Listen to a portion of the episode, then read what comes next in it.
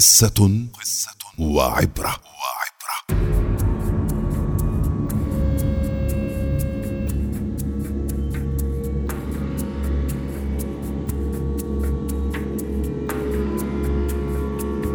يحكى أن سيدة عاشت في الصين القديمة مع ابنها الوحيد في سعادة ورضا حتى اختطف الموت الابن. فحزنت جدا لموت ولدها. ولكنها لم تيأس بل ذهبت إلى حكيم القرية وطلبت منه أن يعطيها الوصفة الضرورية لاستعادة ابنها إلى الحياة مهما كانت أو صعبت. أخذ الشيخ الحكيم نفسا عميقا وشرد بذهنه ثم قال انت تطلبين وصفة. حسنا. حتى أعطيك الوصفة المطلوبة. عليك أن تحضري لي حبة خردل واحدة. شرط أن تكون من بيت لم يعرف الحزن مطلقا. وبكل همة أخذت السيدة تدور على بيوت القرية كلها وتبحث عن هدفها. حبة خردل من بيت لم يعرف الحزن مطلقا. طرقت السيدة بابا. ففتحت لها امرأة شابة فسألتها هل عرف هذا البيت حزنا من قبل؟ ابتسمت المرأة في مرارة وأجابت وهل عرف بيتي هذا إلا كل حزن؟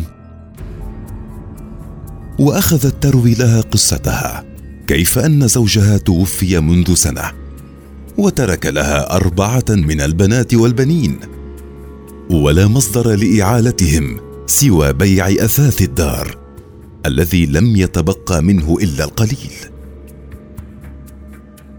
تأثرت السيدة جدا وحاولت أن تخفف عنها أحزانها. وبنهاية الزيارة صارتا صديقتين. وقبل الغروب دخلت السيدة بيتا آخر ولها نفس المطلب. ولكن سرعان ما أصابها الإحباط عندما علمت بمرض طفلها العضال وليس عندها طعام كاف لإطعام أطفالها. فذهبت إلى السوق واشترت بكل ما معها من نقود طعاما.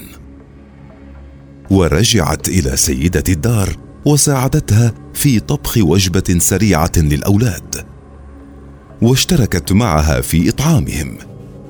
ثم ودعتها على أمل زيارتها في المساء التالي. وفي الصباح أخذت السيدة تطوف من بيت إلى بيت تبحث عن حبة الخردل. لكنها للأسف لم تجد ذلك البيت الذي لم يعرف الحزن مطلقا لكي تأخذ من أهله حبة الخردل. ولأنها كانت طيبة القلب فقد حاولت مساعدة كل بيت تدخله في حل مشاكله. وبمرور الأيام أصبحت السيدة صديقة لكل بيوت القرية. نسيت تماما أنها كانت تبحث في الأصل عن حبة خردل من بيت لم يعرف الحزن. ذابت في مشاكل ومشاعر الآخرين ولم تدرك قط. أن الحكيم قد منحها أفضل وصفة للقضاء على الحزن